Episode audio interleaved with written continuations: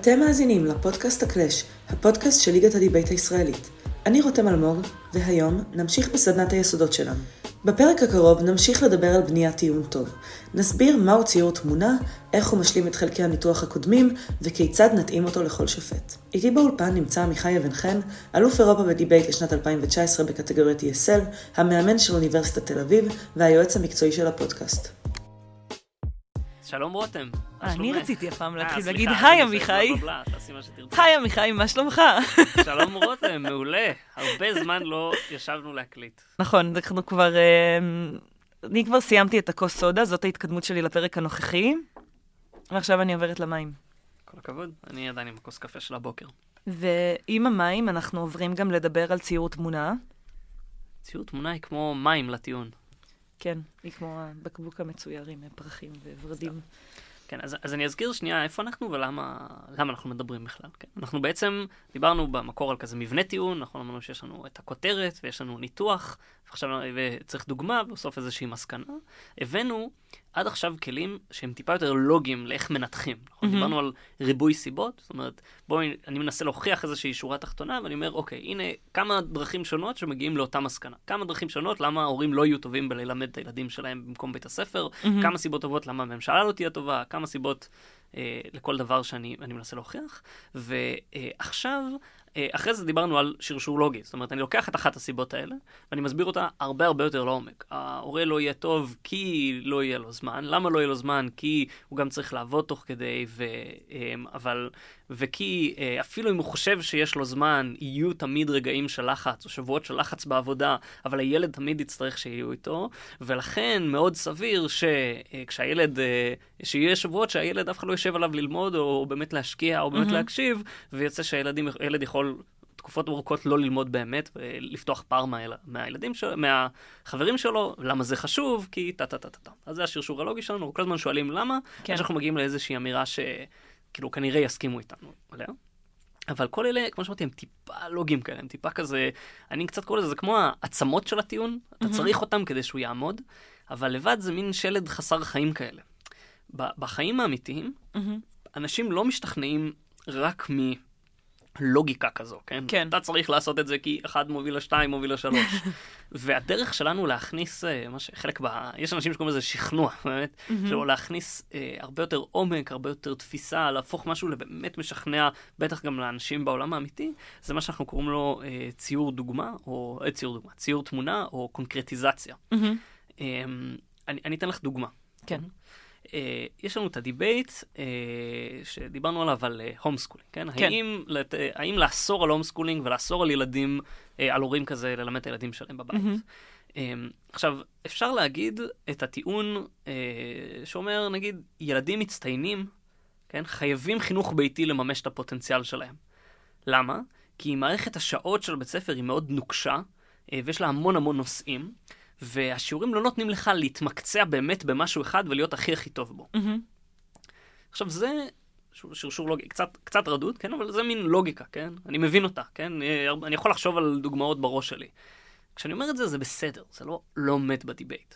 אבל אם עכשיו אני אביא לך דוגמה, כן? אני אגיד, נגנית שלו מקצועית, היא חייבת להתאמן שמונה שעות ביום, מהמם. כן? והיא צריכה לטוס לעשרות תחרויות ב- בשנה לכל מיני מדינות בחו"ל. היא לא יכולה לעשות את זה וללמוד בקצב של בית ספר רגיל, היא חייבת ללמוד באיזושהי מסגרת הרבה הרבה הרבה יותר רכה.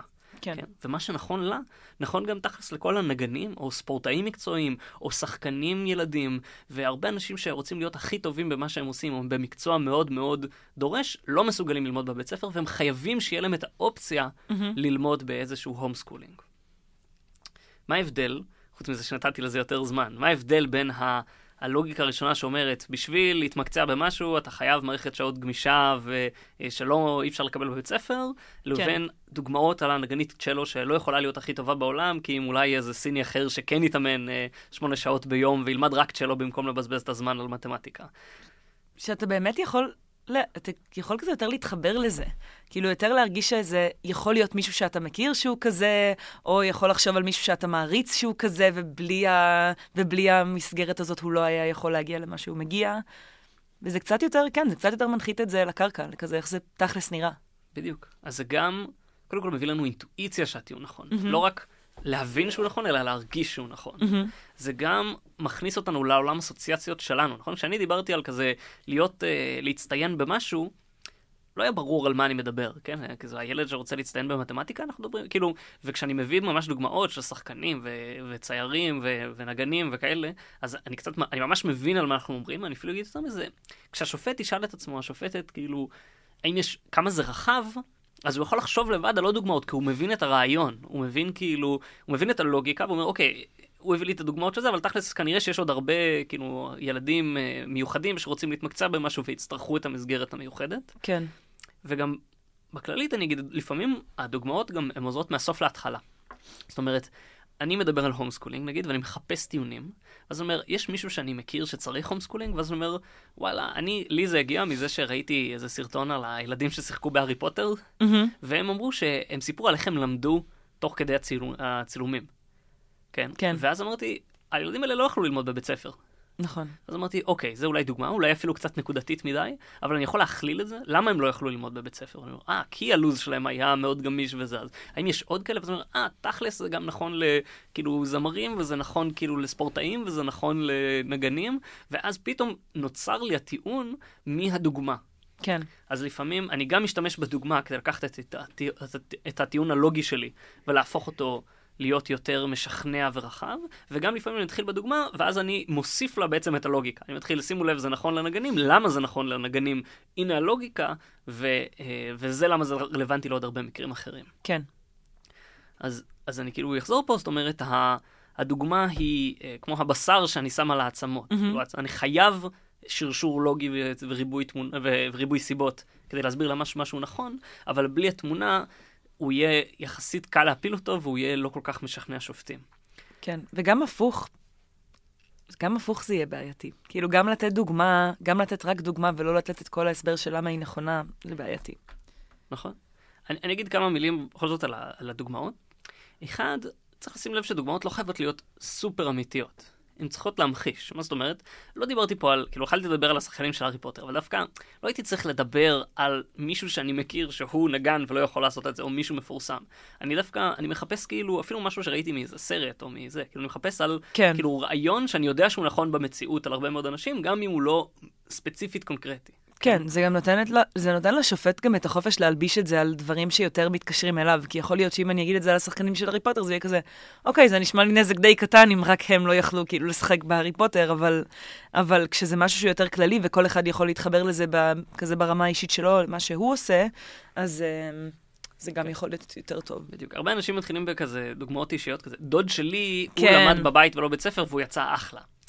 וזה אף פעם לא טוב. גם כי זה לא מסביר את הלוגיקה, וגם כי אני אומר, אוקיי, הדוד שלך בטעות זה עבד לו, אבל אני מדבר על כזה, בממוצע רוב הילדים זה כנראה לא יעבוד להם. אני, אני גם אגיד, אני לא בדיוק מחפש דוגמה, כאילו משהו קונקרטי, אלא אני מחפש המחשה או ממש תיאור תמונה, כי אני מתאר איך נראה העולם, עולם הסביר שעולם כזה יכול לקרות, הרבה יותר מאשר הנה דוגמה קונקרטית ספציפית למתי זה קרה, כן. כי יש לזה את המקום. Um, ואני כן אגיד, כאילו, שלוש שיטות mm-hmm. שעוזרות לעשות המחשה טובה, ממש בקצרה. כן. כן. איך אני עושה כאילו ציור תמונה מאוד מאוד איכותי? אז אחד זה לפעמים, אני רוצה מין לקחת את הסדר יום של בן, של בן אדם שאני רוצה לדבר עליו. כן? Mm-hmm. Uh, לדוגמה, אני רוצה להשפיע, אני רוצה להגיד, uh, יש uh, כזה דיבייט, uh, לאסור על uh, פרסומות לילדים, נכון? ואני רוצה להגיד שה... Uh, פרסומות לילדים כזה מכריחות את ההורים שלהם לקנות להם דברים שהם לא באמת uh, טובים, או שהם לא רוצים לקנות להם. Mm-hmm. עכשיו, כשאני אומר את זה, זה סבבה, אני גם יכול להגיד, כי הילדים מאוד מושפעים מהפרסומת, ואז הם לוחצים על ההורים שלהם, ואז הם קונים. כן. הנה, יש לי איזשהו שרשורון. אבל הדרך הבאמת לעשות את זה עמוק ומשכנע, זה להגיד, אוקיי, איך זה נראה? הילד מגיע. והוא רואה קרטון, הוא קם בבוקר והוא יוצא בדרך לבית ספר, והוא רואה בשלט ליד הבית ספר את הפרסומת ל... לא יודע, Beyblades או whatever, הצעצוע החדש, או כן. הקלפים החדשים שיצאו. והוא מגיע לבית ספר, ועל המכונת משקאות יש כאילו פרסומת של זה שוב. והוא חוזר הביתה, והוא רואה את התוכנית ילדים שלו, ובאמצע, בין התוכנית לתוכנית, עובר כאילו, יש, הוא רואה פרסומת שאומרת לו לעשות את זה. ואז הוא הולך לקניון עם ההורה שלו, והוא רואה שוב פרסומת, והוא פשוט כל היום מפורסם את זה, והוא מרגיש שהוא היחיד שאין לו את זה, ושחייבים את זה, ושזה סופר נורמלי, והוא יוצא דופן רק כי אין לו את זה, הרי כולם רואים את הפרסומת, כולם נמצאים בעולם שלו. כן. וההורה כולה רוצה ללכת לסופר לקנות איזה משהו, והוא עושה לו את המוות, והוא מתחיל לצעוק שם על הרצפה, הוא אומר לו, אני חייב את זה, אתה לא אוהב אותי, אתה רוצה שישנאו אותי. עזוב ההורה, אפילו שהוא לא רוצה לעשות את זה, והוא רוצה לחנך אותו, והוא רוצה... יאללה, נו, קח את המשחק הזה, תעזוב אותי באמא שלך.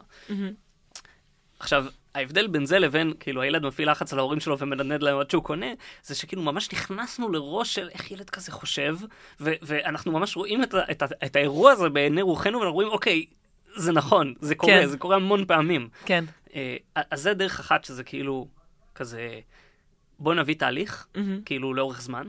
השני זה טיפה יותר לדבר על, אה, על, על, על איך בן אדם מרגיש, ממש להיכנס לראש שלו, מה אני מתכוון? נגיד יש כזה, בית זה יאסור על אה, מבחנים. או כן. בבתי הספר, יבטל מבחנים בבתי ספר, ואז יש הרבה אנשים אומרים שהרבה כזה, אתה אומר, אה, יש הרבה אנשים שנלחצים ממבחן, ואז עצם זה שיש מבחן גורם להם לא ללמוד. מהמם. אוקיי, סבבה, אני מקבל את זה ברמה הכללית. אבל אם אני אומר, ויש ילד שהוא יודע שבסוף השבוע יש מבחן, והוא זוכר בפעם הקודמת שלא הלך לו טוב, והוא, כל פעם שהוא מתיישב, הוא מתחיל כאילו לעבור לו בראש המחשבה על מה יקרה אם אני לא אעשה את זה טוב, ואם אני לא אדע את זה, ו... מתחיל לגרד לו, ואז הוא מגרד במקום לקרוא, ואז הוא כזה רוצה לא לחשוב, כאילו, הוא נזכר במבחן תוך כדי שהוא קורא את החומר והוא מאבד ריכוז, ואז הוא פשוט אומר, טוב, אני, אני אקח איזה הפסקה, אני אראה איזה סדרה, ואז אני אחזור, ויוצא שהלחץ הזה כל כך גדול, שעליו ללמוד ולעבור איזשהו מבחן עם דדליין, פשוט גורם לו לא להיות מסוגל, ואם לא היה את המבחן והוא רק היה צריך להגיע לשיעור, אז הוא פשוט היה קורא את הפרק הזה שהוא צריך לקרוא לקראת המבחן הבא, מצליח לזכור הרבה יותר ממנו ולומד. מהמם. מה עשינו פה? במקום להגיד את המילים, זה גורם למתח, דיברנו קצת על איך, איך בן אדם מרגיש כשהוא במתח. כן. אמ, והטריק, אז זה הטריק השני, הראשון זה ללכת בסדר כרונולוגי, השני זה כאילו לנסות להיכנס ולהגיד איך בן אדם מרגיש פיזית או, או רגשית בדבר שאנחנו מדברים עליו. והגרסה האחרונה היא, אה, זה הטריק האחרון, ואני גם השתמשתי בו קצת מקודם, זה להשתמש, אם אני לא מכיר באמת את העולם, הרבה פעמים אני פשוט משתמש באיזושהי סרט או סדרה שראיתי, כן? אה, נגיד, יש כל מיני דיבייטים על כזה מושבעים בבית משפט, נכון? אז כן. תשמעו, אני לא, לא דיברתי מושבע בחיי, אין לי מושג את החוויה, כן? אבל אני כאילו ראיתי לא אין אורדר, לא יודע, ראיתי כל מיני כאלה. ועכשיו אני רוצה להגיד, נגיד, שמושבעים הם מאוד מושפעים אחד מהשני ומקבלים החלטות ביחד. כן. זה משהו אחד. אבל להגיד, וואלה, מה ראיתי בסדרה? שהם הרבה פעמים, הם נמצאים הרבה שעות אחד ליד השני, אסור להם לדבר עם אנשים מבחוץ כזה, אה, הם כאילו, הם מרגישים שהם במשימה לגלות את הצדק. נכון. ואז הם גם קבוצה מאוד מאוד גדולה, ואם כאילו אני היחיד שחושב שהוא בעצם חף מפשע, ואז אני כאילו, אני מכיר אותם, דיברתי איתם, אני כבר מרגיש לא נעים כאילו לצאת נגדם, ואז יוצא שבעצם יש מין תבנית עדר כזו שגורמת לי להרשיע בן אדם או לשחרר אותו, אפילו אם אני לא מסכים עם זה. מהמם. ולכן בעצם ההחלטות שלהם הן לא באמת, לא באמת כאילו טובות או מתקבלות בדעת אה, רחבה. כן. אני לא אומר שזה הטיעון הזה הכי טוב, אני רק מנסה להגיד, זה משהו שאני לא מבין בו כלום, אוקיי? אבל עצם זה שראיתי סרט על מושבעים, או על שוטרים, או על החוויה של שחורים בארצות הברית, או משהו, אז אני מנסה להתחבר שנייה לסדרה, או להביא ממש דוגמה, אפילו, לא, אני לא אומר, ראיתי את זה ב-Law and Order, אני מנסה להביא כאילו מין דוגמה כזאת, כן. שהיא היא, היא נמצאת ב- בתפיסה הקולקטיבית שלנו, והיא עוזרת לי להכניס את השופטים לרעיון הזה, אפילו אם הוא לא חלק מהחוויה מהמם. היומיומית שלי. אמ, אז אני, אני אסכם, כאילו שלוש דרכים לעשות אה, כזה ציור תמונה בצורה אפקטיבית. אחד זה לעשות כזה סדר כרונולוגי, איך נראה היום-יום של הבן אדם שאני מדבר עליו ולמה זה מוביל. דיברנו על הפרסומות שמבצעות את הילד. השני זה לפיזית והרגשית, דיברנו על המבחן, במקום להגיד אני בלחץ, להגיד, לתאר שנייה איך מרגיש בן אדם בלחץ ולמה סביר שזה מונע ממנו ללמוד. והשלישי זה להשתמש ברפרנס תרבותי, על זה, לתאר סיטואציה מתוך סרט או סדרה שראיתי, כי אה, כדי לנסות להתייחס למישהו שאני לא באמת יודע איך הוא מרגיש ואיך מהמם. הוא, הוא רואה. אה, בסדר, אז זה היה בגדול אה, ציור תמונה. עכשיו, אני כן אגיד, אני שנייה אחבר אותו, כן נכון, דיברנו על שרשור לוגי וריבוי ריבוי סיבות, כן. וציור תמונה, וטיעון אמיתי הוא לפעמים הוא מאוד מאוד מסודר, ובאמת יש כזה שרשור תמונות, יש ריבוי סיבות, בכל אחד מהם אני עושה שרשור לוגי, ואני מוסיף לזה דוגמה. כן. אבל לפעמים אני, אני באמת מערבב את הכל, ואני מביא דוגמה, ואני מוכיח אותה באמצעות שרשור לוגי, או מסביר למה היא מאוד נפוצה באמצעות שרשור לוגי, ואני משתמש בשלושת הכלים האלה. אה, אנחנו כן מנסים כאילו להפריד אותם, גם כדי, כשאנחנו מקבלים פידבק, ואני מנסה להבין מה היה חסר. היה חסר לי כאילו קצת יותר פרטים ותיאור של התמונה כדי שזה יהיה משכנע, היה לי קפיצות לוגיות, עשיתי רק הסבר אחד ואז היה מאוד קל להפיל אותו או שהשופט לא קיבל אותו, ואני שואל את עצמי, אוקיי, מה היה חסר לי כדי לעשות את הטיעון יותר חזק בפעם הבאה, וגם תוך כדי אה, אה, ניתוח אני כאילו אומר, אוקיי, האם יש לי כאילו דרך להמחיש את זה? האם אני יכול לחשוב על עוד סיבה? האם אני יכול ללכת צעד אחד פנימה ולהסביר למה זה נכון? Mm-hmm. ואני משתמש בשלושת הכלים האלה בעצם כדי לעשות את ה-explanation ו-example של. הטיעון הסקסי, שהוא נעשה, זה מה שנחשב טיעון מנותח ועומד בדיבייט. כן. את רוצה להגיד מה, מה את uh, קיבלת היום? מה שקיבלתי היום, לגבי, uh, זה, זה בעצם החלק האחרון בטיעון, שהוא, שהוא הציור של התמונה, שזה יותר מתקשר לדוגמה ויותר המחשה וקונקרטיזציה של הטיעון. Um, דיברנו על שלוש דרכים לעשות את זה בצורה שהיא טובה, כשהראשונה היא לתאר את חיי היום-יום של אנשים, כדי באמת לגרום להם יותר להזדהות ולהרגיש שזה חלק ממשהו שאולי הם תופעה שהם ראו, או אולי תופעה שהם חוו בעצמם. אמ, דיברנו על לתאר רגשות, כלומר, איך אני מרגישה בסיטואציה מסוימת, כשבאמת זה גם עוזר בסופו של דבר להתחבר לדבר יותר, כי בטח חוויתי את זה פעם, כי בטח הרגשתי את זה פעם, כי רגשות הם בכללי משהו שאני יכולה יותר להתחבר אליו, והוא גם קצת יותר מופשט. ו... והדבר השלישי שדיברנו עליו הוא בסיטואציה שבה um, אני רוצה לקחת דוגמה, אבל אני לא כל כך מזדהה עם זה, כאילו לא ראיתי את זה אף פעם בחיים שלי, לא חוויתי את זה אף פעם, אז אני אשתמש בכל מיני מקורות חיצוניים, בסרטונים שראיתי, אולי בסרטים, אולי בסדרות, um, כדי להמחיש את הטיעון שדיברתי עליו עכשיו. מעולה. אנחנו יודעים לנצח, מעכשיו uh, אין יותר תירוצים. זהו, אין יותר חורים בניתוח, אין יותר קפיצות לוגיות, אין יותר לא לתת דוגמאות. בוא. נגמרו ההנחות.